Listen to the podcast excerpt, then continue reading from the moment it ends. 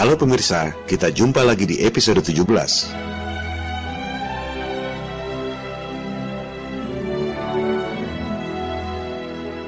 Perang adalah tragedi kemanusiaan yang sangat mengerikan. Tapi bagi orang-orang yang berhati iblis, perang adalah bisnis yang sangat menguntungkan. Berbagai manfaat bisa dikeruk sekaligus. Perang adalah bisnis multiguna. Lewat perang, segelintir orang bisa merampas tanah dan sumber daya alam milik bangsa lain bisa mengatur pemerintahan yang kalah perang termasuk hak mengedarkan uang lewat bank sentral. Perang adalah kesempatan bagi industri militer untuk mengeruk anggaran negara lewat utang guna membeli berbagai senjata pembunuh manusia. Maka, sejarah pun mencatat perkembangan teknologi senjata pembunuh manusia dari mulai pistol, senapan, tank, kapal perang, hingga akhirnya bom atom dan bom nuklir.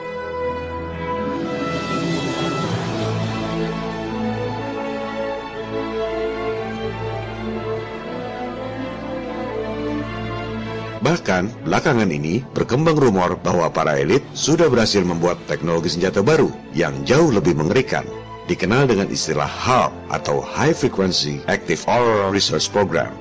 HARP adalah terapan dari sains modifikasi cuaca atau geoengineering. Man is on a quest to play God, to control the weather and use it as a weapon lightning, torrential rains, hurricanes, targeted at the enemy. Some people believe that Katrina was weather warfare at its most potent. But how do we get from understanding extreme weather to making it do our bidding? Earthquake, tidal wave, those become the future of warfare.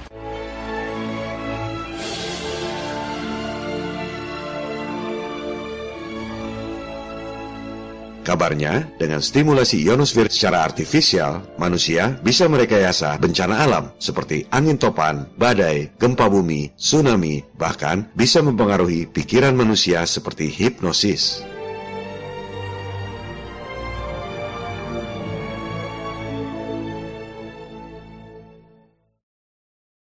CBS This Morning contributor Michio Kaku is a physics professor at City College of New York. Professor, nice to see you. I mean, lasers, really, to change the weather? That's right. Well, as Mark Twain once famously said, everyone complains about the weather, but no one ever does anything about it.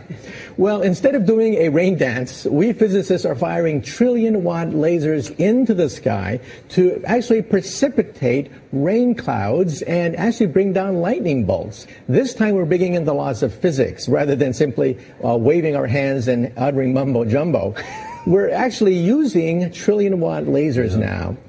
However, for floods, for agriculture, farmers, for people planning wedding parties, uh, football games, you name it, outdoor events and agriculture and flooding and even hurricanes, all of them could be subject to weather modification.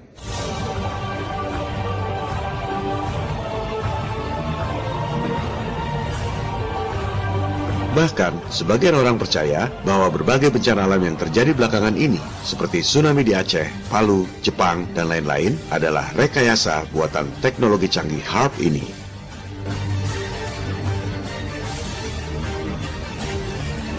Benarkah rumor yang banyak beredar itu? Apakah semua itu fakta atau cuma fiksi? Pada episode ini, kita akan melakukan investigasi yang mendalam tentang teknologi canggih pembunuh massal. Investigasi ini kita lakukan untuk menjawab empat pertanyaan yang paling mendasar. Pertama, apakah teknologi HARP itu benar-benar ada atau cuma fiksi? Kedua, apakah teknologi HARP itu sudah dapat digunakan atau belum? Ketiga, apakah berbagai bencana yang terjadi belakangan ini, seperti tsunami Aceh, tsunami Palu, tsunami Jepang, adalah rekayasa manusia dengan menggunakan teknologi HARP seperti yang banyak didesas-desuskan atau bukan? Keempat, apa pentingnya informasi ini? Dan apa hubungannya dengan bangkitnya kesadaran Flat Earth?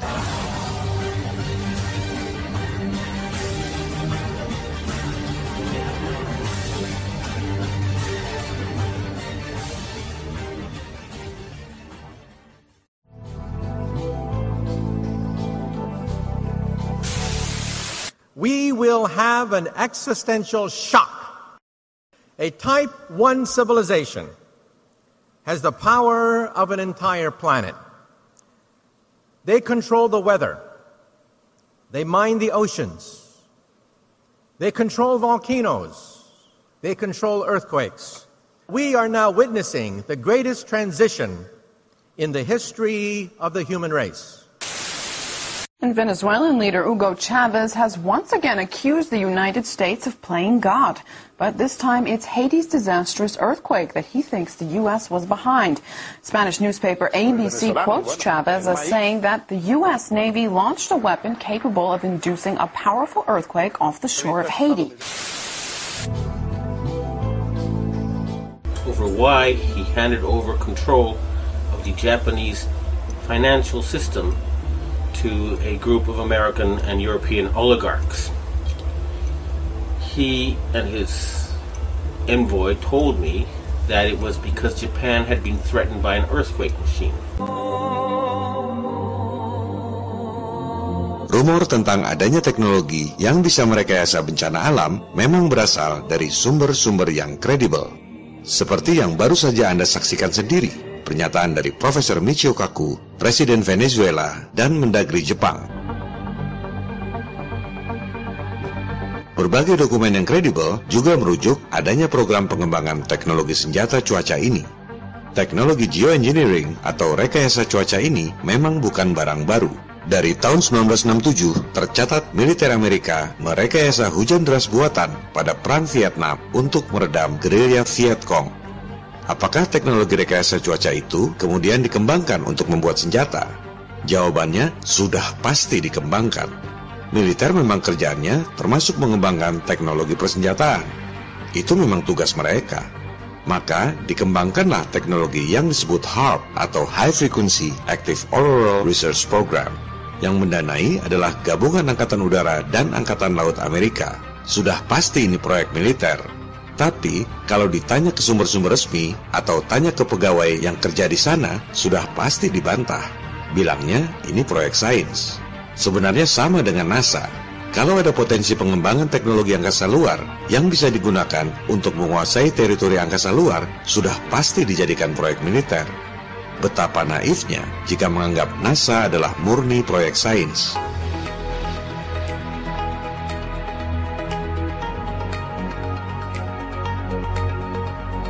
Demikian halnya dengan pengembangan teknologi HARP ini.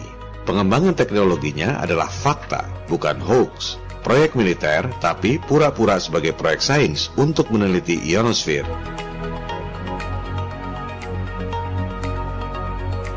Maka teknologi HARP dikembangkan di Arizona. Fasilitas tersebut terdiri dari ratusan antena-antena radio tapi bukan untuk memancarkan gelombang suara ke telinga Anda, melainkan untuk menembakkan gelombang frekuensi ekstra rendah atau ELF, extra low frequency ke wilayah atmosfer yang disebut ionosfer.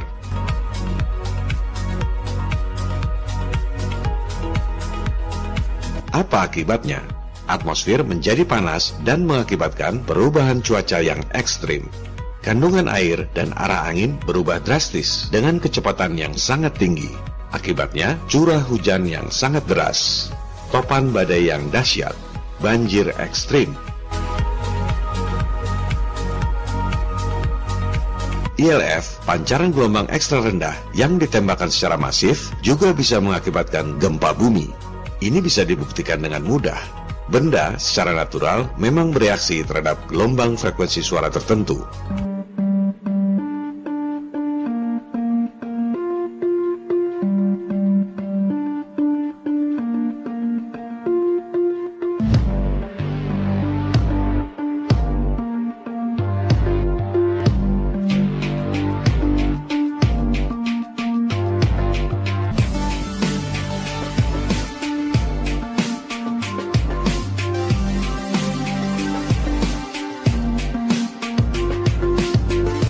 Skala kecil, ILF memang membuat benda-benda alam bergerak yang bisa mengakibatkan gempa jika diterapkan dalam skala besar. Everything owes its existence solely and completely to sound.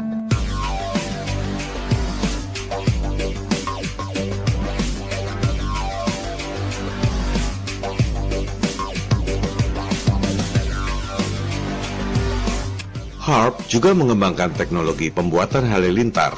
Ini juga merupakan potensi senjata modern. Tujuannya membuat halilintar buatan dan mengarahkannya pada musuh. Teknologi halilintar buatan ini mungkin tak asing buat sebagian pemirsa Flat Earth 101 sebab yang digunakan adalah Tesla Coil.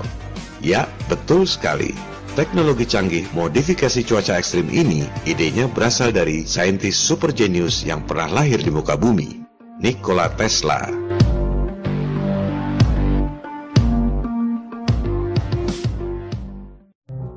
Nama Tesla dicoret dari seluruh pelajaran sekolah karena Tesla dianggap musuh oleh JP Morgan, pentolan elit global.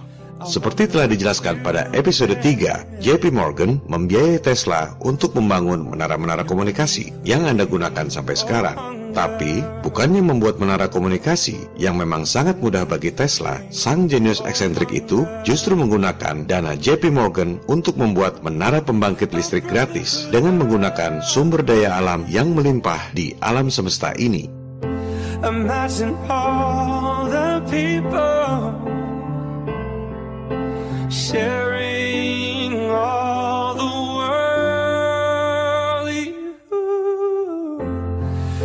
may say I'm a dreamer, but I'm not the only one. Tuhan menciptakan alam yang kaya dengan energi dahsyat secara gratis. Anda tak perlu bayar untuk menghirup oksigen.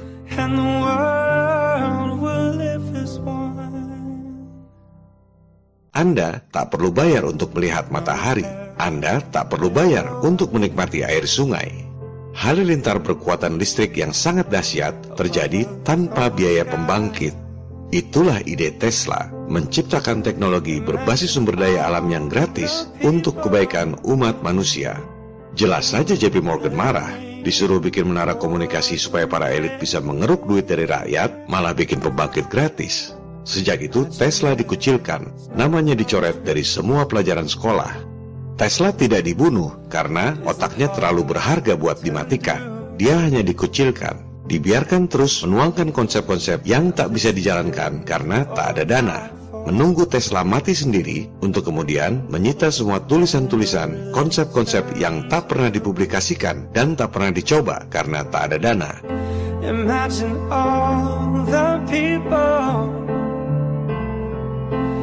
Living life. Maka, sejak Tesla wafat tahun 1943, mulailah timbul berbagai teknologi dahsyat yang dikembangkan dari tulisan-tulisan Tesla yang disita oleh penguasa. Sejak itu, mulai dikenal piring terbang yang seolah-olah makhluk dari planet lain.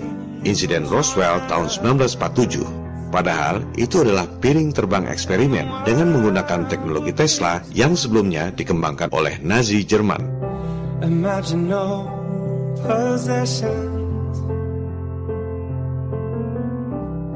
I wonder if you can. Sejak itu pula mulai dikenal konsep teleportasi, memindahkan benda dari satu tempat ke tempat lain yang dipopulerkan oleh film Star Trek.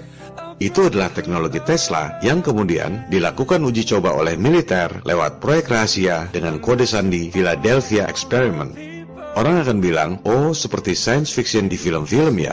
Padahal kebalik, justru film-film itu inspirasinya dari kisah nyata.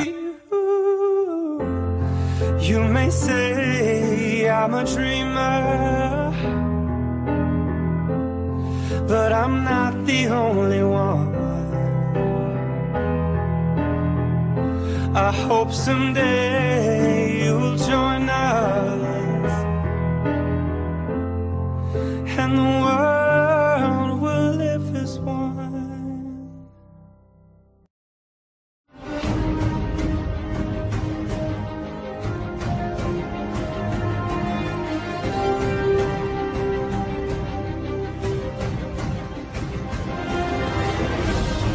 Ketika dikucilkan, Tesla menuangkan amarah terpendamnya pada para elit keuangan dengan mengembangkan teknologi Death Ray yang bisa melumpuhkan angkatan perang. Tesla adalah orang Serbia. Ia merasakan Perang Dunia Pertama yang dipicu oleh insiden di Sarajevo. Tesla adalah pembenci perang. Ia berharap Death Ray ciptaannya bisa digunakan untuk mengakhiri perang.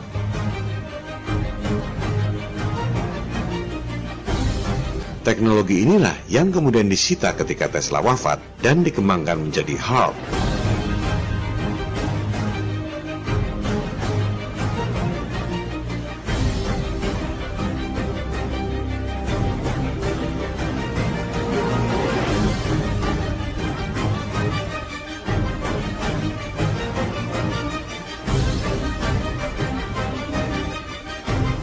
Ini semua adalah fakta. Konsepnya valid. Pengembangan teknologinya juga fakta. Pertanyaannya, apakah teknologi HARP ini sudah bisa digunakan atau belum?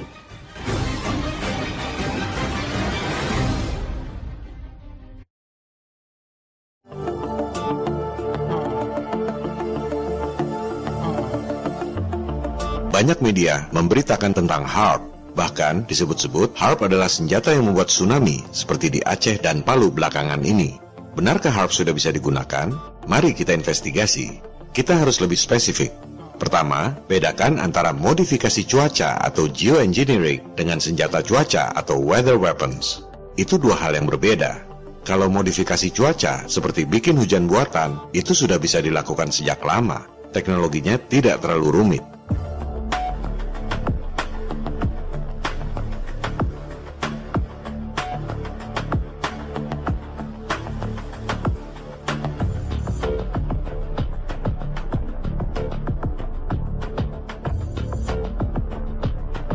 Kedua, bahwa teknologi modifikasi cuaca itu kemudian dikembangkan jadi senjata juga sudah pasti. Militer memang kerjaannya seperti itu. Ketiga, dalam skala lab, memang terbukti metode HARP kalau ditembakkan ke atas secara masif bisa membuat cuaca ekstrim yaitu perubahan atmosfer secara drastis yang mengakibatkan angin topan, hujan deras, dan banjir. Kalau ditembakkan ke tanah, jika diterapkan dalam skala besar, memang bisa membuat gempa. Kalau ditembakkan ke air dalam skala besar, bisa membuat air bergelombang seperti tsunami. Tapi, apakah teknologinya sudah bisa digunakan dalam skala nyata? Belum tentu. Kenapa? Karena untuk merubah atmosfer yang begitu besar dan luas dibutuhkan energi yang sangat besar. Saya tidak yakin mereka sudah punya pembangkit energi yang begitu canggih.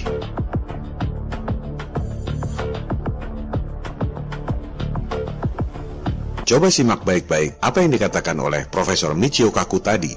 Saya melihat ada hal prinsip yang sangat bertentangan dari pernyataan Profesor Kaku itu.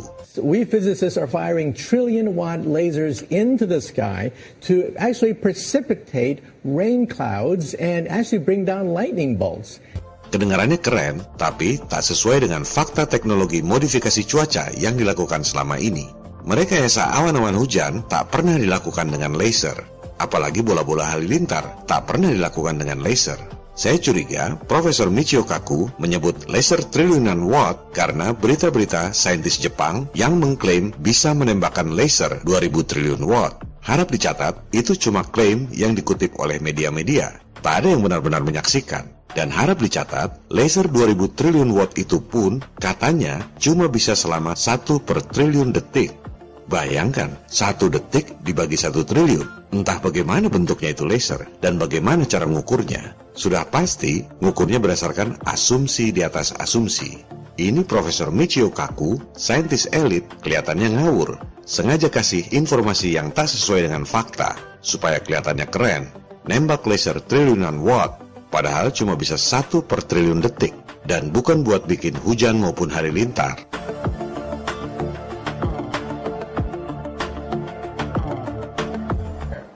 What is the European Union? Because we're seeing the beginnings of a type 1 economy. Huge planetary trading blocks are the beginnings of a type 1 economy.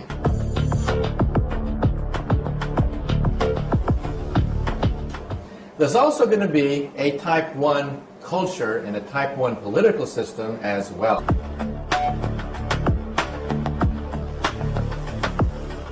Some people don't want it.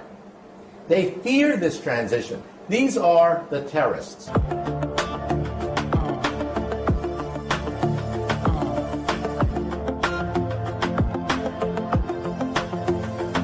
Sebaliknya, teknologi HARP itu memodifikasi cuaca dengan gelombang suara ILF, bukan laser.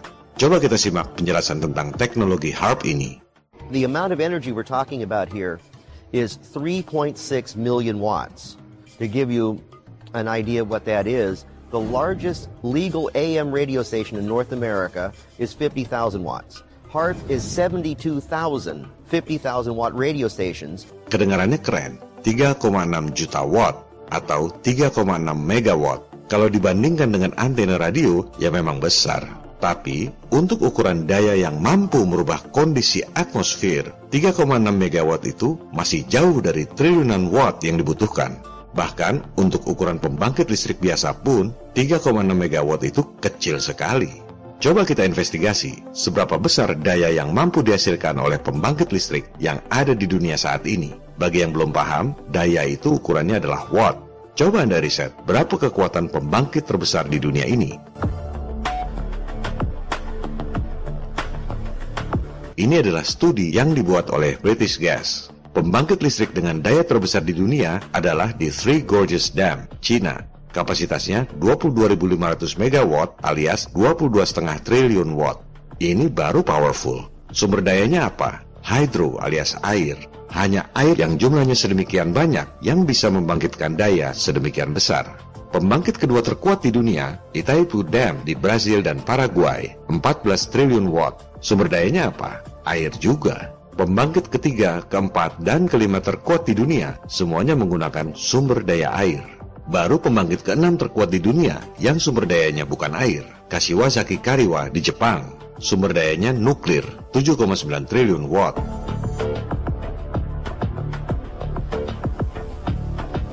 Intinya apa? Dibutuhkan upaya yang sangat besar untuk membuat daya triliunan watt. Fasilitasnya saja sebesar itu. Untuk membangkitkan daya 7,9 triliun watt dibutuhkan reaktor nuklir seluas 4,2 km persegi. Antena-antena radio HARP itu cuma 3,6 megawatt. Butuh seribu kali lebih besar untuk menciptakan daya triliun watt seperti yang disebut Profesor Michio Kaku tadi. Secara teori, memang bisa saja menembakkan ILF secara masif untuk merubah atmosfer secara drastis. Pertanyaannya, seberapa besar energi yang dibutuhkan dan dari mana energi itu didapat? Di mana pembangkit listriknya?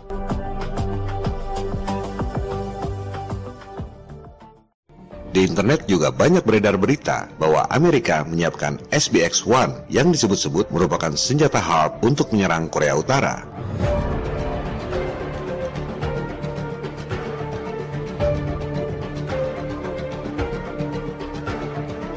Harap Anda saring dulu informasi sebelum menyebarkannya kepada orang lain.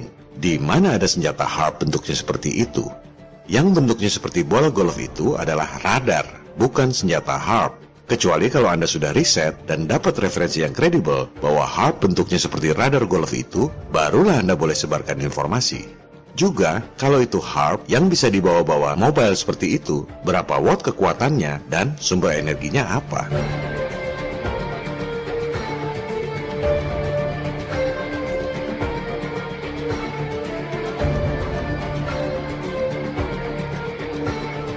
Untuk urusan teknologi pengolahan energi, mereka tak secanggih itu. Kalau untuk teknologi elektronik, iya memang mereka canggih. Anda bisa lihat bedanya komputer digital yang pertama tahun 1943 dibandingkan dengan komputer digital saat ini. Jauh sekali perbedaannya. Kenapa? Karena bisnis, supply and demand. Marketnya adalah penduduk yang daya belinya tidak seragam. Maka, industri berlomba-lomba membuat peralatan elektronik yang lebih canggih dengan harga yang lebih murah. Begitu pula teknologi elektronik seperti mobile phone. Betul mereka canggih. Anda lihat perbedaan mobile phone yang pertama tahun 1983 dengan smartphone di zaman sekarang. Mengapa kemajuannya pesat? Karena bisnis, supply and demand. Permintaan pasar memicu industri untuk bikin produk yang lebih canggih dan lebih murah. Teknologi elektronik seperti CGI jelas mereka sangat canggih. Kemajuannya pesat.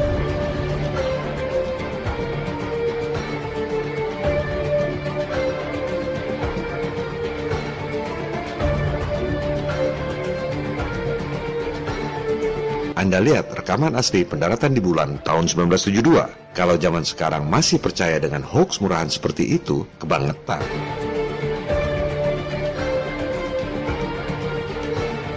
Tapi, kalau teknologi roketnya seperti jalan di tempat, tak ada bedanya roket tahun 1950-an dengan roket sekarang. Tak seperti pesatnya perkembangan teknologi komputer atau mobile phone.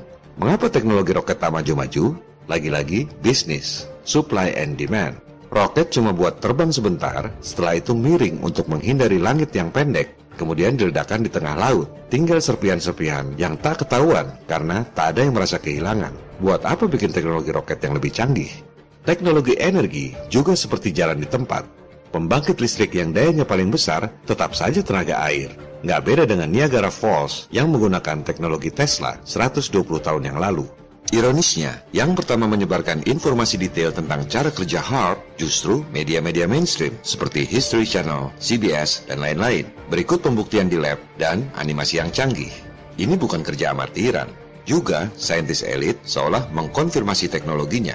Cukup meyakinkan bahwa HARP sudah bisa digunakan, tapi mereka nggak cerita faktor yang sangat penting, yaitu berapa energi yang dibutuhkan dan sumber dayanya dari mana untuk merekayasa atmosfer secara masif dan drastis. Sehingga berita-berita di media mainstream itu tampaknya seperti propaganda teror untuk menakut-nakuti umat dunia. Seolah-olah sudah ada senjata cuaca yang mampu membuat bencana agar orang-orang seperti Anda pada takut dan tunduk pada segelintir orang dalam tatanan dunia baru.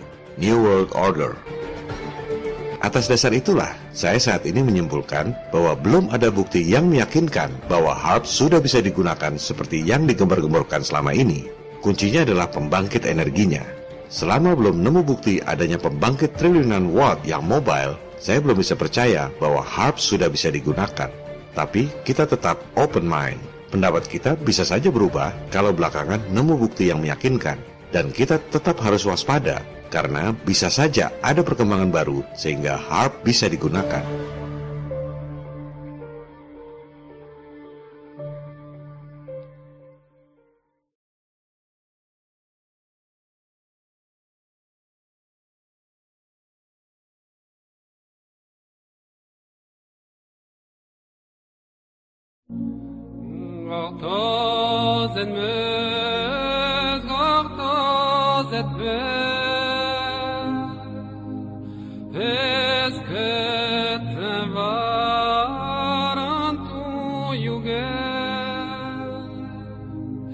Internet juga banyak beredar rekaman-rekaman video dan foto-foto yang menunjukkan fenomena aneh di awan sebelum terjadinya tsunami.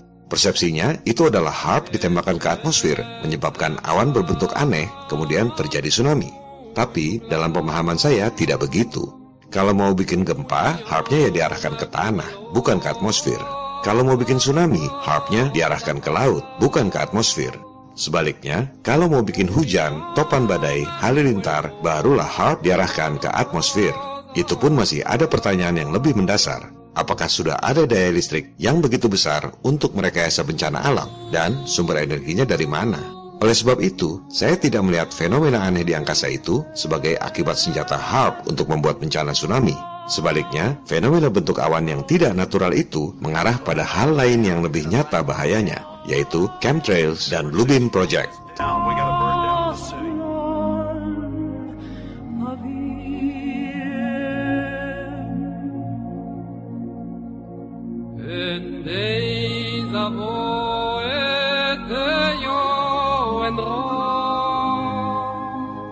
Yang lebih nyata dan berpotensi lebih bahaya dari HARP menurut saya adalah chemtrail atau chemical trail. Bahan-bahan kimia yang sengaja disebar di atmosfer dengan menggunakan pesawat.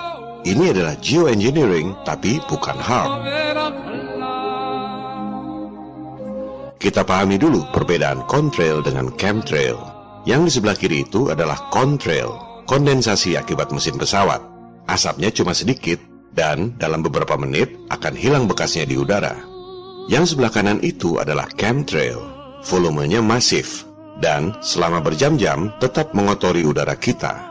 Kalau para pembantah masih tak bisa membedakan, berarti ada yang salah dengan mata dan tingkat kecerdasan mereka.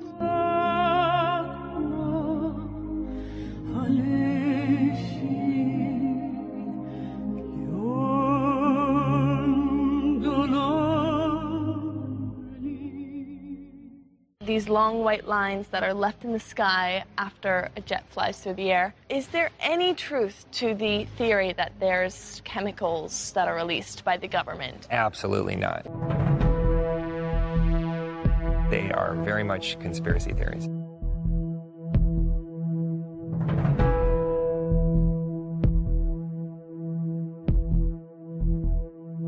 Your research for American conspiracies, Governor, did you encounter anything about the government being able to control our weather? Yeah, I did through HARP. They showed with HARP that you, yes, indeed, can control and create clouds and do things like that with it. Maybe they're trying to control the weather with what they're doing up there.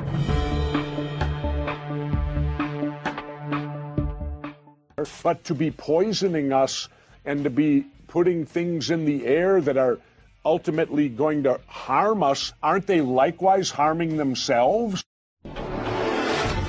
Jadi, mana yang benar? Chemtrail adalah normal dan tidak berbahaya, seperti kata para pembantah, atau semprotan bahan-bahan kimia berbahaya, seperti yang dikemukakan para pencari kebenaran. Kita langsung saja pada kesimpulannya. Pertama, penggunaan senjata kimia lewat udara bukanlah barang baru. Orang sudah melakukannya sejak Perang Dunia Pertama. Kemudian terus digunakan pada Perang Dunia Kedua, Perang Vietnam, dan lain-lain. Chemical weapons can be both powerful and terrifying. Toxic substances that attack the skin, blood, nerves, or respiratory system, causing painful injury and maybe even death. It's estimated that during World War I, chemicals like mustard gas injured 1 million soldiers and killed 100,000, often in horrible, painful ways. However, countries were still making the weapons, setting the stage for incidents like the US's use of Agent Orange in Vietnam in the 60s. Kedua, berdasarkan data-data rahasia yang sudah boleh dipublikasikan karena kadaluarsa atau istilahnya declassified berdasarkan Undang-Undang Kebebasan Informasi, militer Amerika terbukti meracuni rakyatnya sendiri dengan senjata kimia dari udara. This next story is so unbelievable, we didn't think it could possibly be true. But after receiving thousands of records and declassified reports from the Army, it's confirmed that during the Cold War, the United States military conducted secret tests on unsuspecting people in the city of St. Louis. These Army archive pictures show how the tests were done in Corpus Christi, Texas in the 1960s. In Texas, planes were used to drop the chemical, but in St. Louis, the Army placed chemical sprayers on buildings and station wagons. The Cold War cover story was that the Army was testing smoke screens to protect cities from a Russian attack. The truth, according to Martino Taylor, was much more sinister. By making hundreds of Freedom of Information Act requests, she uncovered once classified documents that confirmed the spraying of zinc cadmium sulfide. Ketiga, kesaksian Kristen Macon, mantan personalia Angkatan Udara Amerika, bahwa militer Amerika menyemprotkan bahan-bahan kimia berbahaya alias chemtrail lewat pesawat udara. Um, I was in the Air Force on active duty for nine years, and I worked in bioenvironmental engineering. I started noticing things. I started noticing large quantities on the system where I would approve chemicals. When I started asking questions, um, I slowly became demonized. Um, a, a couple years passed after that when I asked again and people realized I was kind of being more vocal about it on social media. I was starting to be thrown into a mental institution and have my daughter taken away. Kalau kepada bangsanya sendiri saja militer tega meracuni, apalagi kepada bangsa negara berkembang seperti Indonesia. Soal bahaya chemtrail ini pernah pula diungkap di PBB oleh Presiden Koalisi Ketahanan Agrikultur weather modification programs, experimental ones done by private companies, done by the United States government, uh, done by states across the United States, are underway. There's more than 50 of them in operation across the United States. Ya, namanya juga PBB, kaki tangan elit global. Laporan-laporan itu tidak ditindaklanjuti.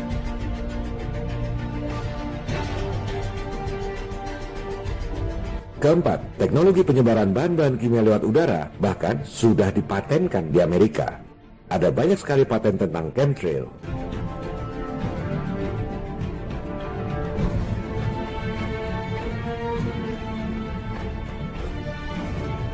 Contohnya ini, bukti paten di Amerika bahwa chemtrail yang disemprot ke udara itu berisi aluminium oxide, bahan kimia beracun yang bahkan bisa dijadikan bahan peledak.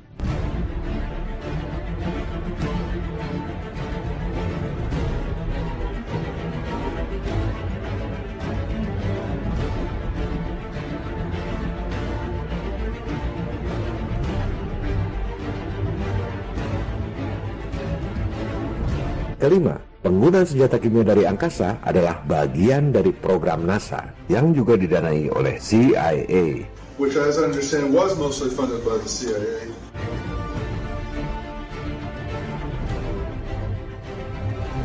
Silakan Anda lihat bukti dokumen resmi NASA yang ditulis oleh kepala saintis di NASA Langley Center. Jelas sekali ditulis isu-isu strategis masa depan, garis miring, peperangan masa depan. Coba baca isinya senjata debu mikro yang disebarkan sebagai aerosol dan dihisap ke paru-paru. Pakai tambahan lagi, senjata kelas mutakhir seutuhnya yang legal. Hmm, masih berpikir NASA adalah lembaga sains yang bertugas menghibur Anda dengan temuan-temuan angkasa luar? Kejahatan NASA bukan cuma nipu Anda dengan ilusi bumi bola, tapi NASA memang berencana untuk meracuni paru-paru Anda dengan senjata debu mikro yang disebar lewat aerosol.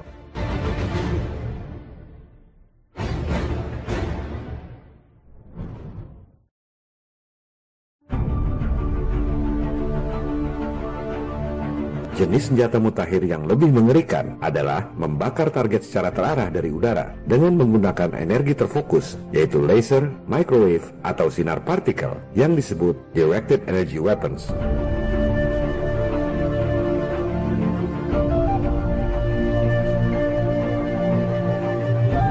senjata pembuat bencana HARP masih dalam tahap eksperimen karena tak mudah memperoleh sumber energi yang sangat besar untuk membuat bencana topan, gempa, dan tsunami.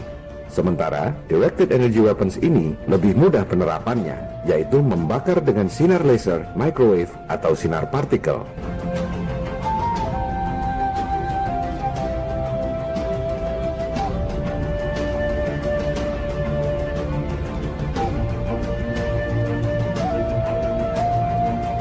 Sebagian dari Anda mungkin ingat peristiwa kebakaran besar di Malibu, California tahun 2017 lalu. Kebakaran dahsyat yang sangat mengerikan, disebutnya kebakaran hutan. Coba lakukan investigasi sendiri. Kita akan melihat dengan sangat jelas berbagai kejanggalan dari kebakaran tersebut.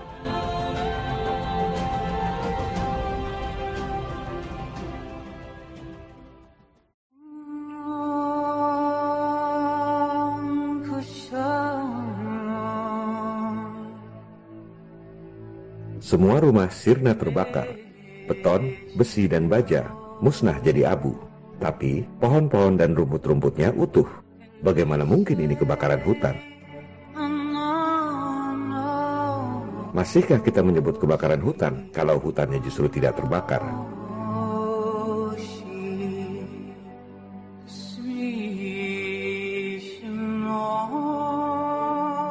Bagaimana mungkin kebakaran hutan membakar habis mobil-mobil, tapi pohon-pohonnya utuh?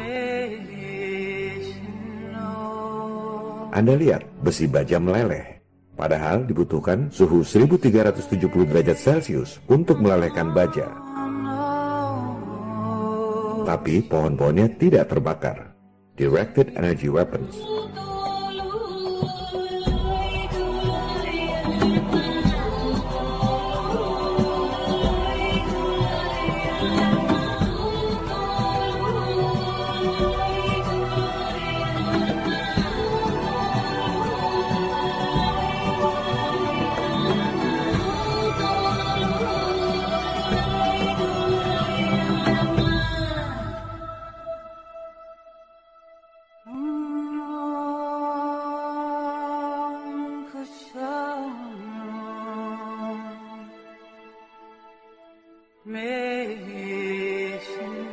Kejanggalan-kejanggalan lainnya adalah kebakaran yang membentuk garis lurus. Bagaimana mungkin ini api natural? Sangat cocok dengan nama senjatanya, Directed Energy Weapons. Fenomena ini mengingatkan kita pada microwave yang tidak membakar plastik.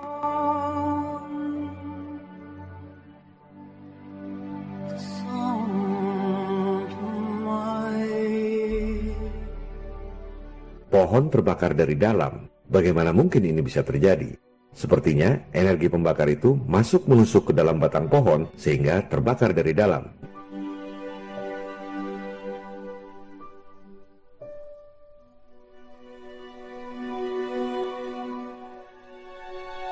Juga fenomena ini, mobil terbakar dari dalam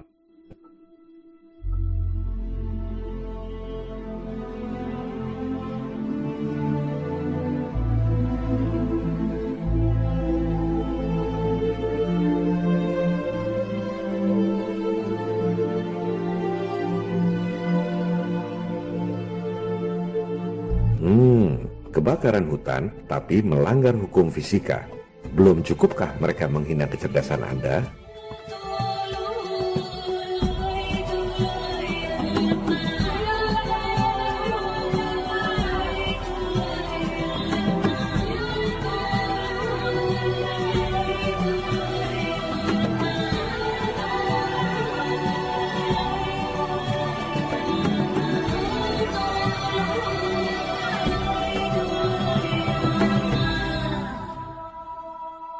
Barangkali ada yang bertanya, mana mungkin para elit melakukan uji coba senjata dengan mengorbankan rakyatnya sendiri? Sama seperti soal chemtrail yang dibahas tadi, mana mungkin meracuni warganya sendiri? Pertama, para elit ini adalah globalis, tidak memandang negara maupun bangsa. Yang jahat bukan Amerika, justru bangsa Amerika yang jadi korban.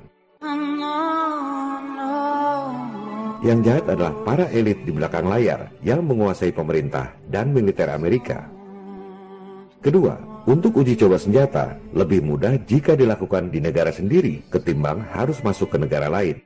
Ketiga, uji coba tidak dilakukan di medan perang, justru sebelum ada perang supaya produknya laku keras pada saat ada perang.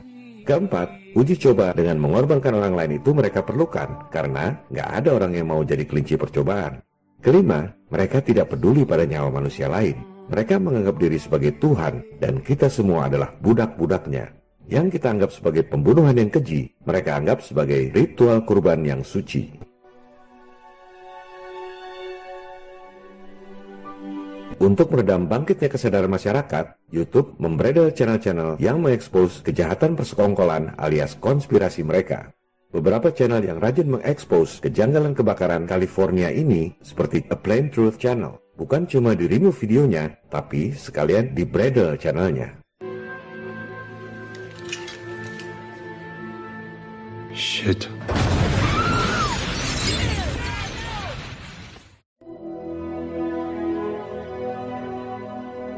Saya pun tak akan heran jika episode 17 yang mengekspos konspirasi kejahatan elit global ini sebentar lagi di-ban oleh YouTube, seperti yang sudah terjadi berkali-kali pada episode-episode sebelumnya.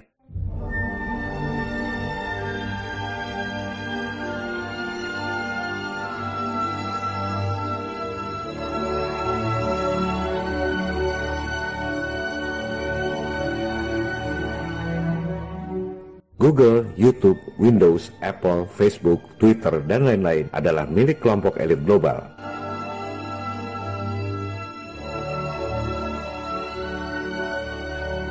FE 101 Channel ini adalah channel Flat Earth nomor satu di dunia berdasarkan jumlah subscribernya. Sudah pasti jadi channel yang diincar oleh YouTube. Channel kita ini pula yang membuat Indonesia nomor satu di dunia untuk topik Flat Earth berdasarkan Google Analytics tahun 2017. Oleh sebab itu, saya pun tak akan heran jika suatu ketika bukan cuma video-videonya yang di-ban, tapi sekalian channel FV11 ini yang dibredel oleh YouTube. Tak ada gunanya mengupload ulang di YouTube atau membuat YouTube channel yang baru, karena pasti akan dibredel juga. Gosip yang beredar adalah Desember 2019 ini, YouTube akan membredel channel-channel yang mempopulerkan topik Flat Earth.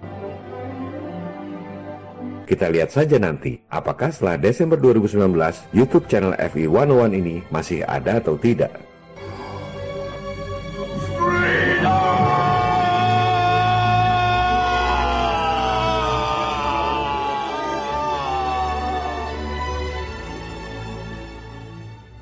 Oleh sebab itu, saya mengamankan serial video FE 101 dalam sebuah situs web baru, fe101.org.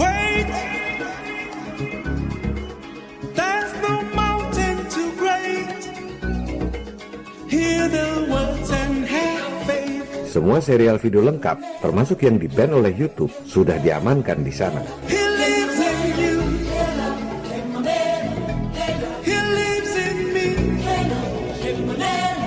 Jadi, kalau suatu ketika channel Flat Earth 101 ini dibredel oleh YouTube, silakan klik fe101.org.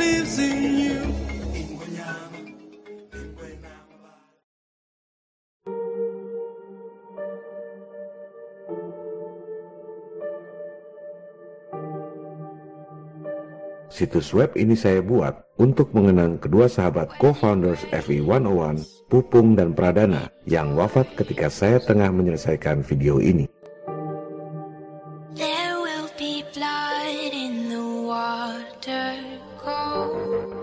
Mungkin perlu saya jelaskan sedikit tentang co-founders ini.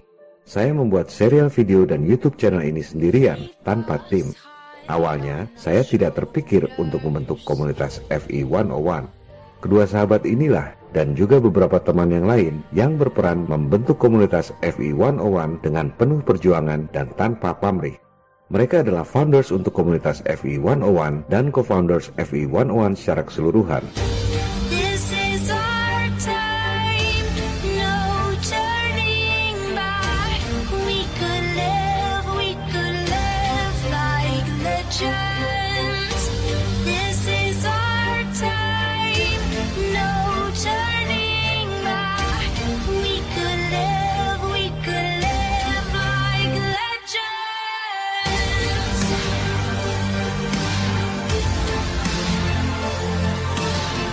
Almarhum Pupung adalah seorang yang terpelajar, sarjana teknik industri lulusan Universitas Trisakti di Jakarta.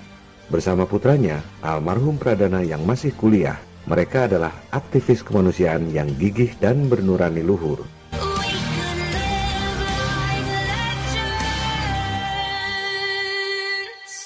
Almarhum berasal dari keluarga yang berada, namun hidupnya sangat sederhana. Ia memiliki aset senilai puluhan miliar rupiah yang rupanya menjadi incaran manusia-manusia berhati iblis yang ada di sekelilingnya.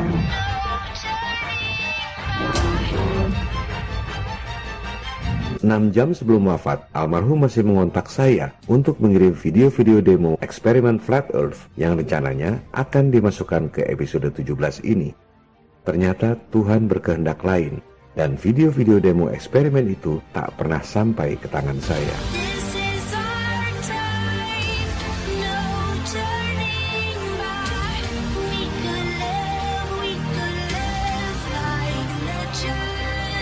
Sejujurnya, ketulusan, kejujuran, kesetiakawanan, kegigihan, serta ketabahan dalam menghadapi cobaan dan berbagai fitnah yang dimiliki oleh kedua almarhum adalah kualitas yang sangat langka saya temui.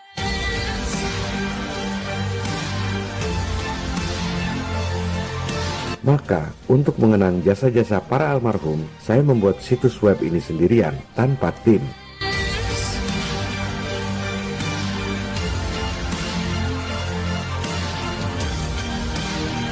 Sengaja saya tidak hire profesional dan membuatnya sendiri secara personal dan sepenuh hati, karena saya ingin membuat para almarhum bangga di alam keabadian.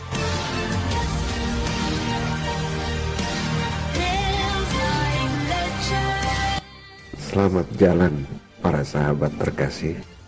Dunia tak akan pernah sama lagi tanpa kalian.